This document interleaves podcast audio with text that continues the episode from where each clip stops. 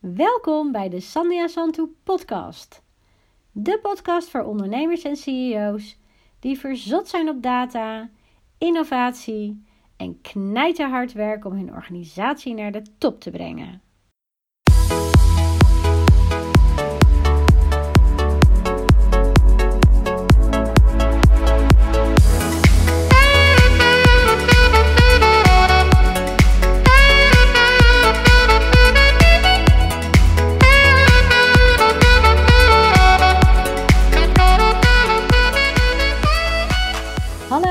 Luisteraars en welkom bij de Breinbabbels podcast.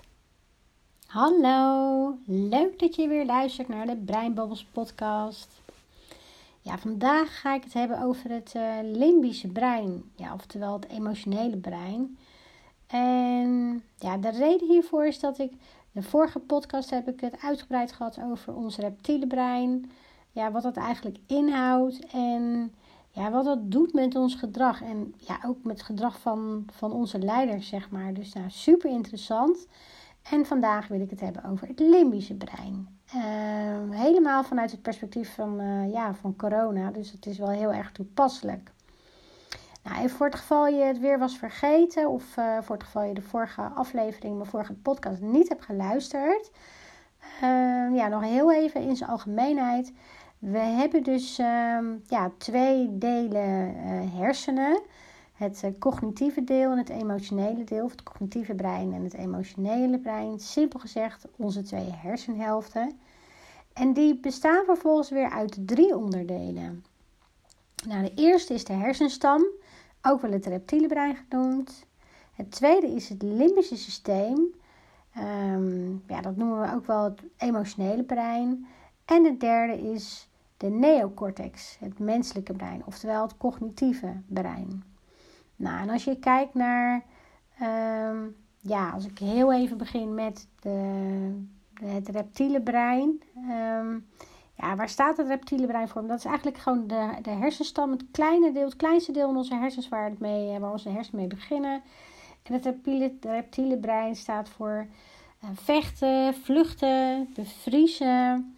Uh, regulatie voor de uh, hormonen, temperatuur, uh, honger, dorst, adem en, ja, en ook hartslagregulatie. Dus ja, wat wel interessant is, is dat ik, ehm, wat ik veel zie bij mijn klanten, en ik heb ja, voornamelijk mannelijke klanten, is dat um, op het moment dat ik wel eens ademhalingsoefeningen doe in, de coachings, in het coachingstraject we doen heel veel oefeningen. We gaan terug naar het drijfveren. We hebben het ook ontzettend veel over de business.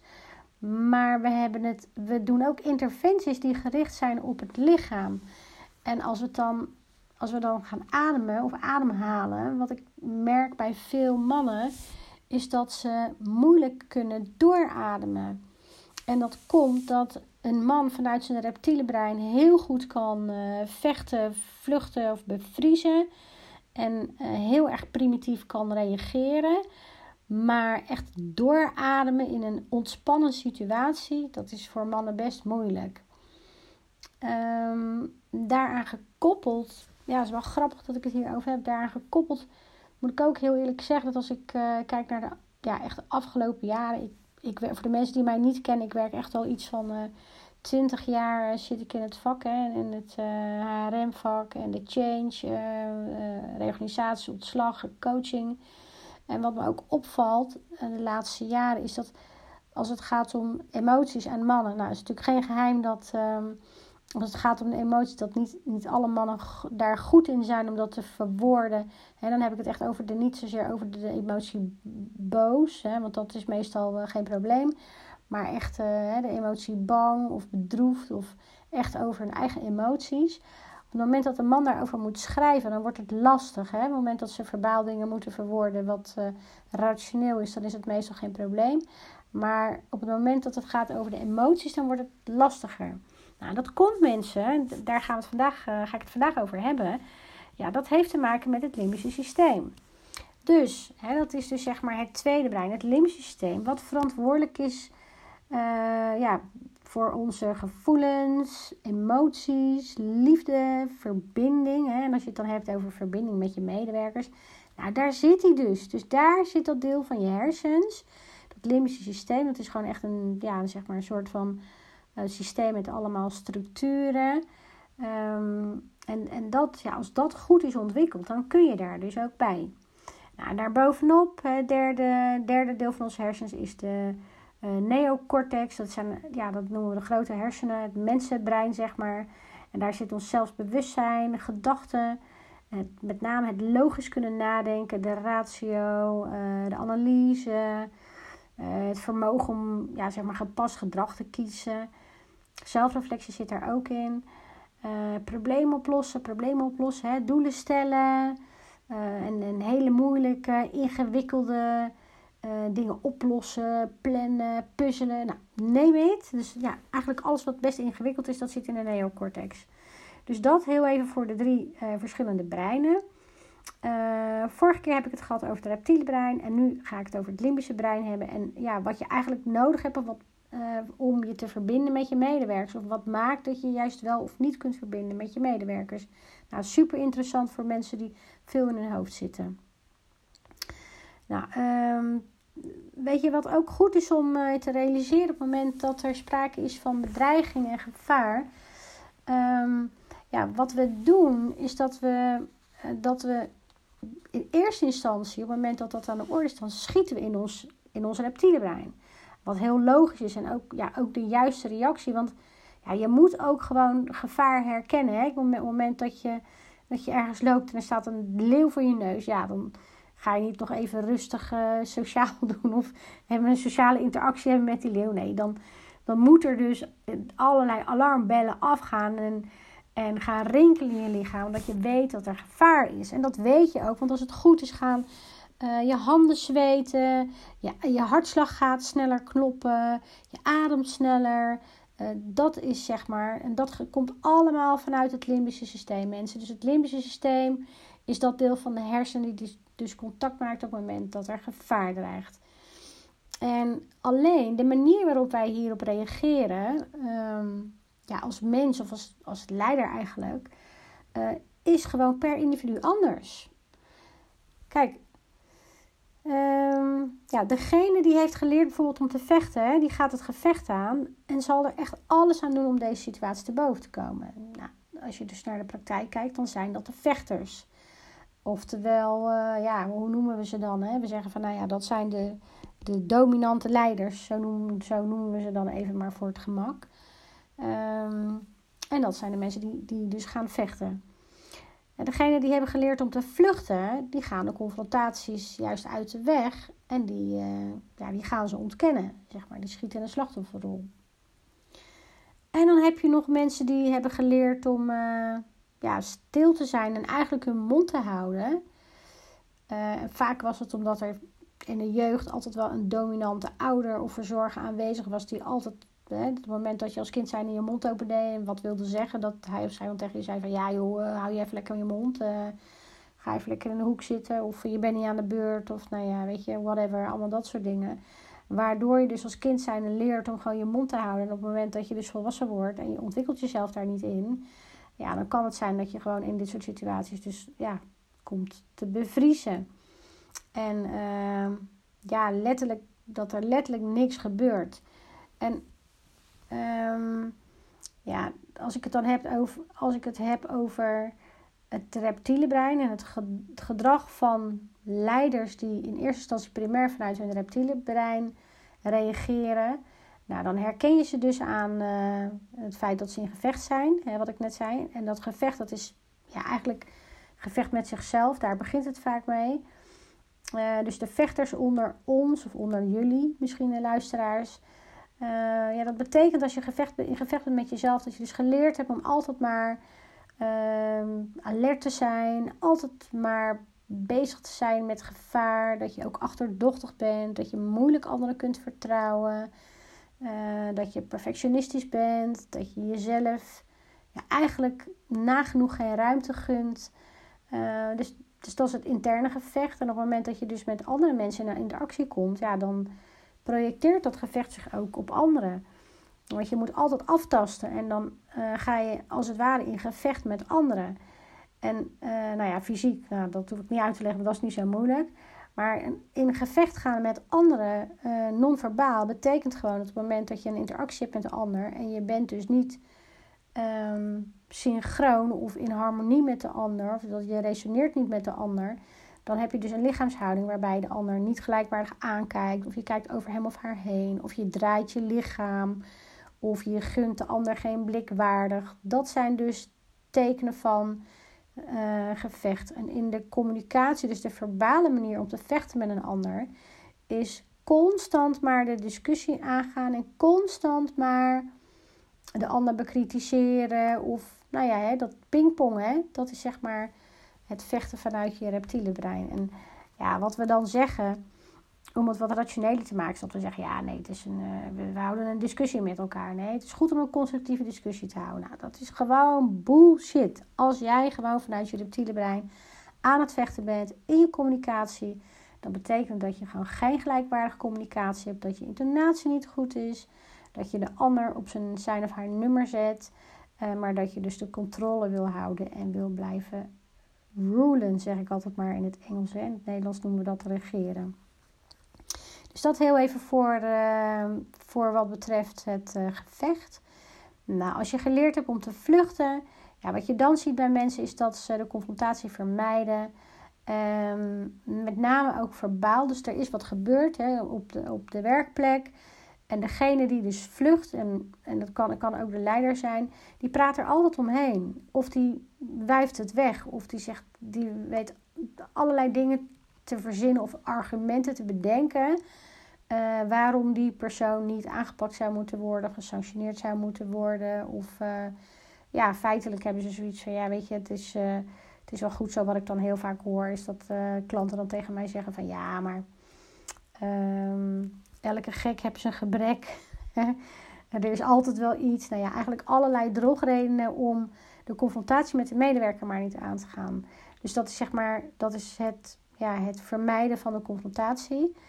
Um, ja, non-verbaal is dat inderdaad op het moment dat, stel je voor de ene persoon is aan het communiceren, die zit in de vechtershouding. En degene die dus heeft geleerd om te vluchten, wil daar dus niet in meegaan. En die gaat dus niet terugvechten. Wat je ziet non-verbaal is dat die persoon zichzelf ook daadwerkelijk kleiner maakt. Het hoofd gaat iets naar, hangt iets naar beneden. En uh, ze gaan er dus gewoon niet op in. Wat er vaak gebeurt voor mensen die geleerd hebben om te vluchten, is dat ze gaan pleasen. En vaak al van tevoren, zodat de ander niet uh, overgaat tot dat gevecht. En ze hopen ze maar dat ze harmonie kunnen bereiken met de ander, zodat ze dat gevecht kunnen ontvluchten.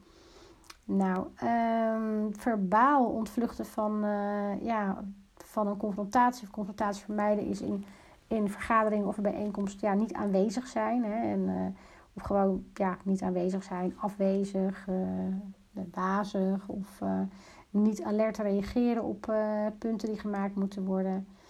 En ja, het fysiek vluchten is gewoon dat iemand er gewoon niet is. Dat, dat je er als leider gewoon niet bent. Je bent binnen niet binnen de zaak. Je bent vaak afwezig. Nou, dat is het fysieke vluchten. En last but not least, de primaire reactie op het moment dat er gevaar dreigt, is uh, het bevriezen. Ja, dat is eigenlijk dat je gewoon, uh, ja, er komt gewoon niks meer uit je mond, hè, verbaal gezien. Het is, uh, je, je valt als het ware stil, je voelt je bedreigd door de ander. En je laat de regie gewoon ook over aan een ander, hè, een ander binnen je MT of een ander binnen je bedrijf. Dat, is, dat, dat zijn eigenlijk de drie kenmerken, hè, vechten, vluchten, bevriezen. Wat interessant is om te weten, is op het moment dat we in een situatie zitten als deze, dat dat de primaire reactie is. En even afhankelijk van ja, hoe we zijn gevormd en in welke mate we ja, ons eigenlijk hebben ontwikkeld, hè, persoonlijk hebben ontwikkeld, gaan we daarna over naar de volgende fase. Dus dat is eigenlijk de tweede fase. Hè. Je hebt dus eerst een primaire reactie, pats, en dan hè, de volgende reactie. Uh, dat, is de, dat is de tweede reactie.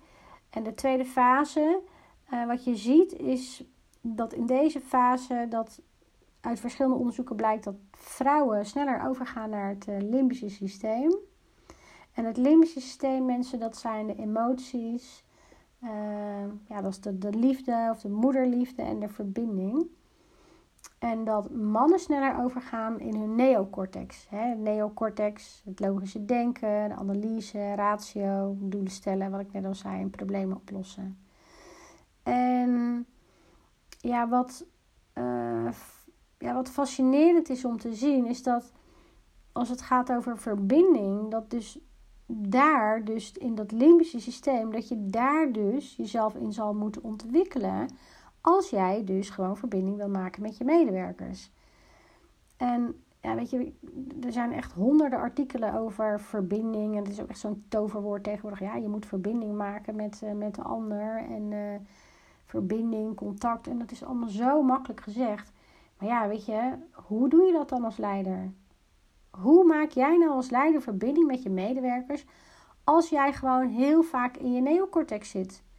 Dus dat deel van je hersenen wat, uh, uh, waarbij je je, ratio uh, goed laat werken en waarbij je super goed bent in het maken van analyses of in het creëren van ideeën, maar gewoon niet goed bent in het aangaan met de verbinding van je medewerkers. Hoe doe je dat dan? Ja, weet je mensen, dat, dat is niet zo eenvoudig, maar Ehm, als het gaat over je leiderschap en met name nu, is het zo dat mensen dus niet alleen maar behoefte hebben aan, hè, zeg maar, dat deel van jou, van jou om problemen op te lossen. Hè, zeg maar dat vechtersdeel, wat, wat in eerste instantie natuurlijk wel moet gebeuren. Hè, maar op het moment dat de dreiging wat rustiger begint te worden, dan hebben mensen dus behoefte aan ehm, leiderschap vanuit het limbische systeem. Kijk, en heel even over het limbische systeem. Hè, dus dat zeg maar het emotionele, het emotionele brein. Um, dat, wat ik net al aangaf, het ligt boven de hersenstam. En het is ja, eigenlijk niet zichtbaar vanaf de buitenkant. Maar wat het, wat het dus in feite is, is dat het ja, eigenlijk alles omvat wat met emotie en affectiviteit te maken heeft. het zorgt ervoor dat je plezier beleeft eigenlijk aan... Uh, Ehm, voeding, ehm, eh, seks, uh, knuffelen, strelen, slapen, lachen, eten. Dus dat zijn de positieve emoties en uh, affectiviteit. Maar wat er ook zit, dat zijn je negatieve emoties, zoals verdriet en angst. En het limbische systeem zorgt er dus niet alleen voor dat je zeg maar, die positieve emoties voelt en ervaart, maar het het houdt je ook weg van de negatieve emoties. En dat is verdriet en angst. En ja, wat je moet weten is dat we er eigenlijk in dit leven, we zijn in dit leven eigenlijk um, om, om ja, eigenlijk twee dingen te doen.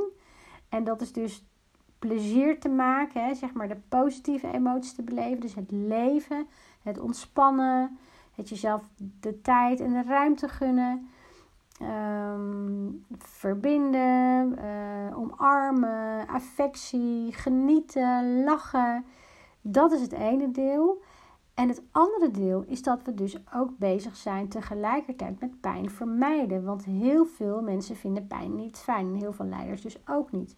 Dus hoe makkelijk is het om dat te vermijden ehm, en je alleen maar bezig te houden met de plezierige kant. Alleen um, ja, als je kijkt naar hoe dat nou precies zit met hoe zit er nou die interactie tussen je rationele brein en je limbische brein.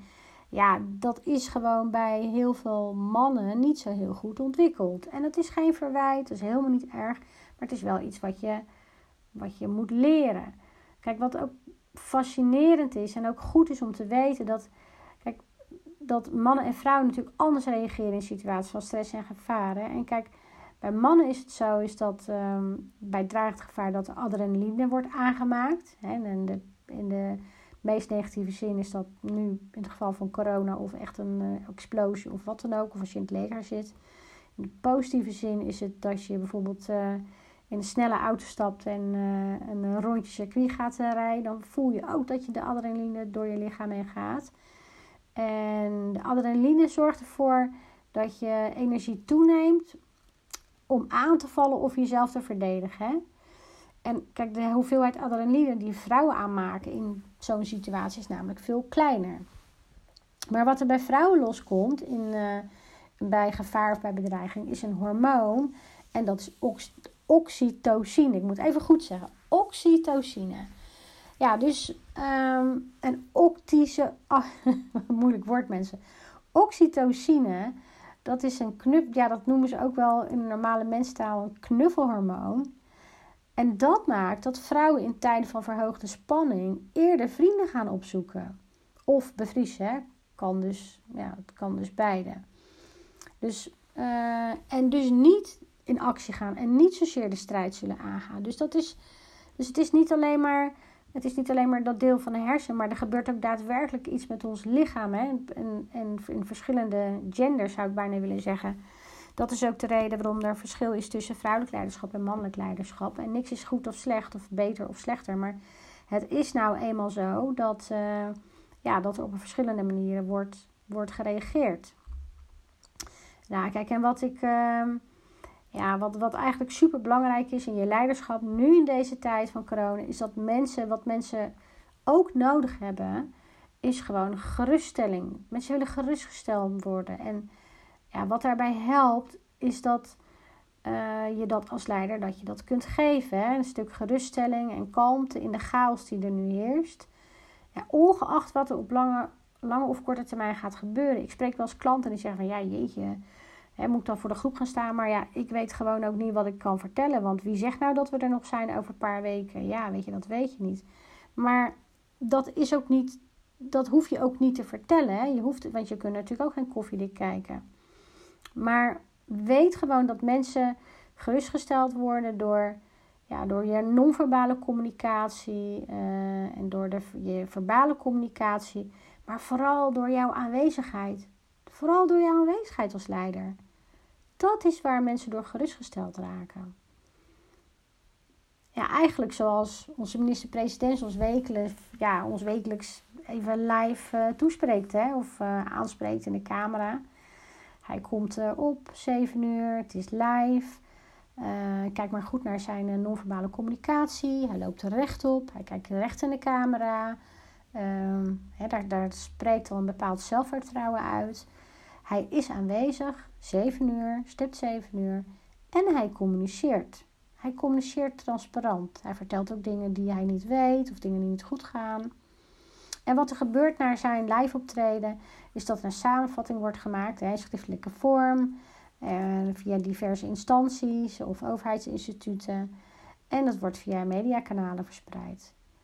En nou kan je twee dingen doen als je een bedrijf hebt. Je kunt uh, een mailtje versturen of je een mailtje laten versturen, hè, schriftelijke boodschap.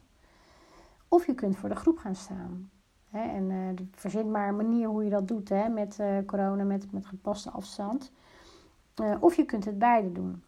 Kijk, als je gewoon even simpel kijkt naar de minister-president, dan zie je dat zijn, zijn live optreden, zijn non-verbale communicatie, zijn verbale communicatie, zijn intonatie hè, in combinatie met zijn humor en ja, ook echt wel zijn inhoud. Dat, dat, die, hele, dat, dat, die hele set, dat klopt. En dat geeft voor velen van ons vertrouwen en geruststelling. Dus dat zijn allemaal vaardigheden die je zelf dus als leider moet aanleren. En ja, weet je, sla jezelf nou niet op de kop als je dat niet kan. Als je gewoon wel heel goed in je vak bent, maar als je daar gewoon, als je daar niet zo goed in bent. Het is niet erg. Alleen realiseer je wel dat jij als leider aan het hoofd staat van een organisatie. En dat jij dus ook gewoon over die vaardigheden moet beschikken. Als jij je mensen mee wil krijgen, als jij je mensen gerust wil stellen, als jij de hut mee wil krijgen in de doelstellingen die je hebt, of de bedrijfsdoelstellingen die je opstelt voor je bedrijf, dan zijn dat dus vaardigheden die cruciaal zijn en die je dus moet leren. Ja? En um, ja, één belangrijke vaardigheid is dat, je, is dat je je dus gewoon open kunt opstellen. Ik zeg bewust niet hè, uh, kwetsbaar, want ik realiseer me als ik het woord kwetsbaar uitspreek dat veel mannen dan gelijk de associatie hebben van: oh ja, maar kwetsbaar, dan moet ik gaan huilen. Nee, dat is niet wat ik bedoel met kwetsbaar. Met jezelf kwetsbaar openstellen of opstellen of je open opstellen, daarmee bedoel ik te zeggen dat je dus ook gewoon moet leren dat je uh, het niet altijd weet. En dat het niet altijd, het niet altijd weten van informatie, dat het dus geen kwestie is van falen. Ja, aan de andere kant, als zou het een kwestie van falen zijn, weet je, get over it. Als je niet faalt, keer op keer op keer, dan maak je ook geen progressie. Ik bedoel, hoeveel landen en mensen zijn er bezig geweest om een, uh, een uh, ja, om zeg maar een apparaat te bouwen voordat we de eerste keer naar, uh, naar een andere planeet konden vliegen. Weet je, het continu falen zorgt ervoor dat we verder komen, progressie maken, dat we uiteindelijk een dienst of een product maken wat goed is, hè? waarvan je zegt nou ja, dat is het. Het is ook een teken waarbij je dus je kwaliteit kunt verbeteren. Alleen zodra het om onszelf gaat, als het gaat om ons product of onze dienst, zijn we heel snel geneigd om het. Uh, ja, dan kunnen we er een argument voor bedenken. Maar zoals het om, zodra het om onszelf gaat, onze eigen persoonlijkheid, dan zien we het vaak als persoonlijk falen, persoonlijk falen. En uh, durven we ons daar niet in te uiten. Kijk, heel simpel. Als je kijkt naar de minister-president en zijn leiderschapsstijl, dan zegt hij ook gewoon. Uh, van de week zag ik dat toen een journalist een vraag stelde. Hij zegt gewoon van ja, ik weet het niet, maar ik ga ermee aan de slag. Hè? Dus dat maakt dat ze de, de daadkracht waarmee hij dat zegt, dat accepteren mensen. En daarbij is het ook nog zo dat zijn lichaamstaal en het zorgvuldig herhalen van het woord verbinding, hè, moet je maar eens even opletten op het moment dat hij praat.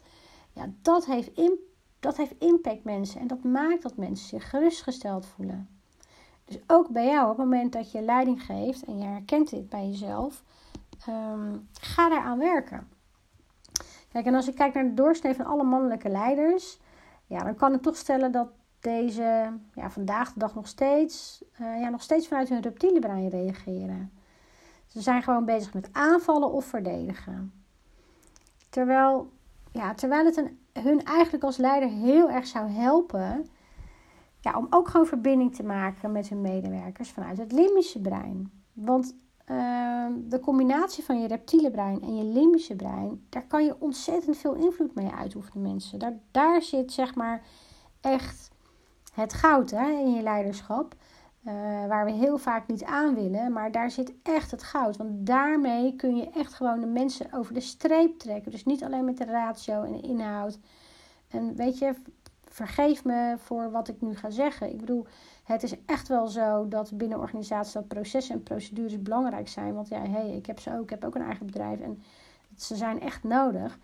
Maar uh, weet je, you name it. Uh, agile, Scrum, uh, de, de meetups, de stand-ups. Alles zijn allemaal technieken. Ze zijn allemaal technieken om ervoor te zorgen dat de doelstellingen behaald worden.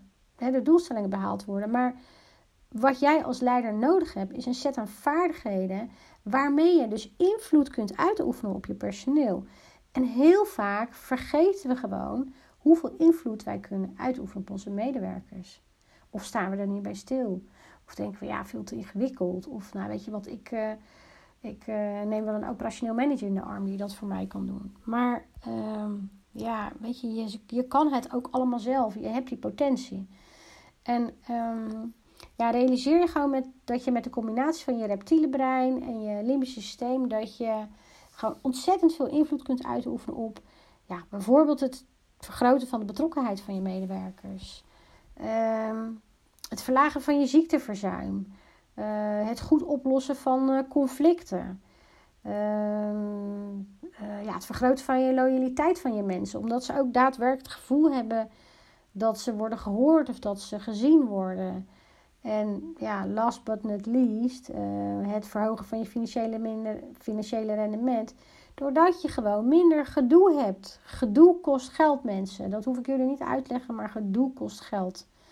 Dus um, om dat allemaal te kunnen doen, moet je dus gewoon je lymfsysteem goed ontwikkelen. En je reptiele brein, hè, dat, dat heb je als het goed is, heb je dat al ontwikkeld. En daarmee kun je dus verbinding maken. En waar ik eigenlijk mee af wil sluiten is ja, om te zeggen dat je eigenlijk alleen verbinding kunt maken. Hè? Alleen om verbinding te kunnen maken met je medewerkers moet je eerst die muur om je hart weghalen.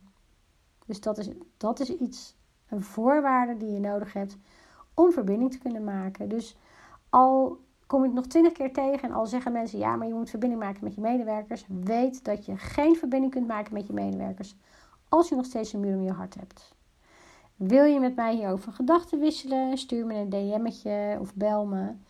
En uh, ja, voor nu, ik zou zeggen de komende 22 dagen, uh, stay healthy, stay strong. Succes ermee. Verbind en maak je bedrijf klaar voor de corona. Nou, ik hoor jullie ik zie jullie graag bij de volgende podcast. Heb je een reactie? Vond je het leuk? Vond je het waardevol, deze podcast? Laat graag een recensie achter voor mij op ehm, deze podcast, zodat ik hoger in de ranking kom. Zou ik onwijs tof vinden. En ik zou zeggen, tot de volgende keer. Ciao, ciao!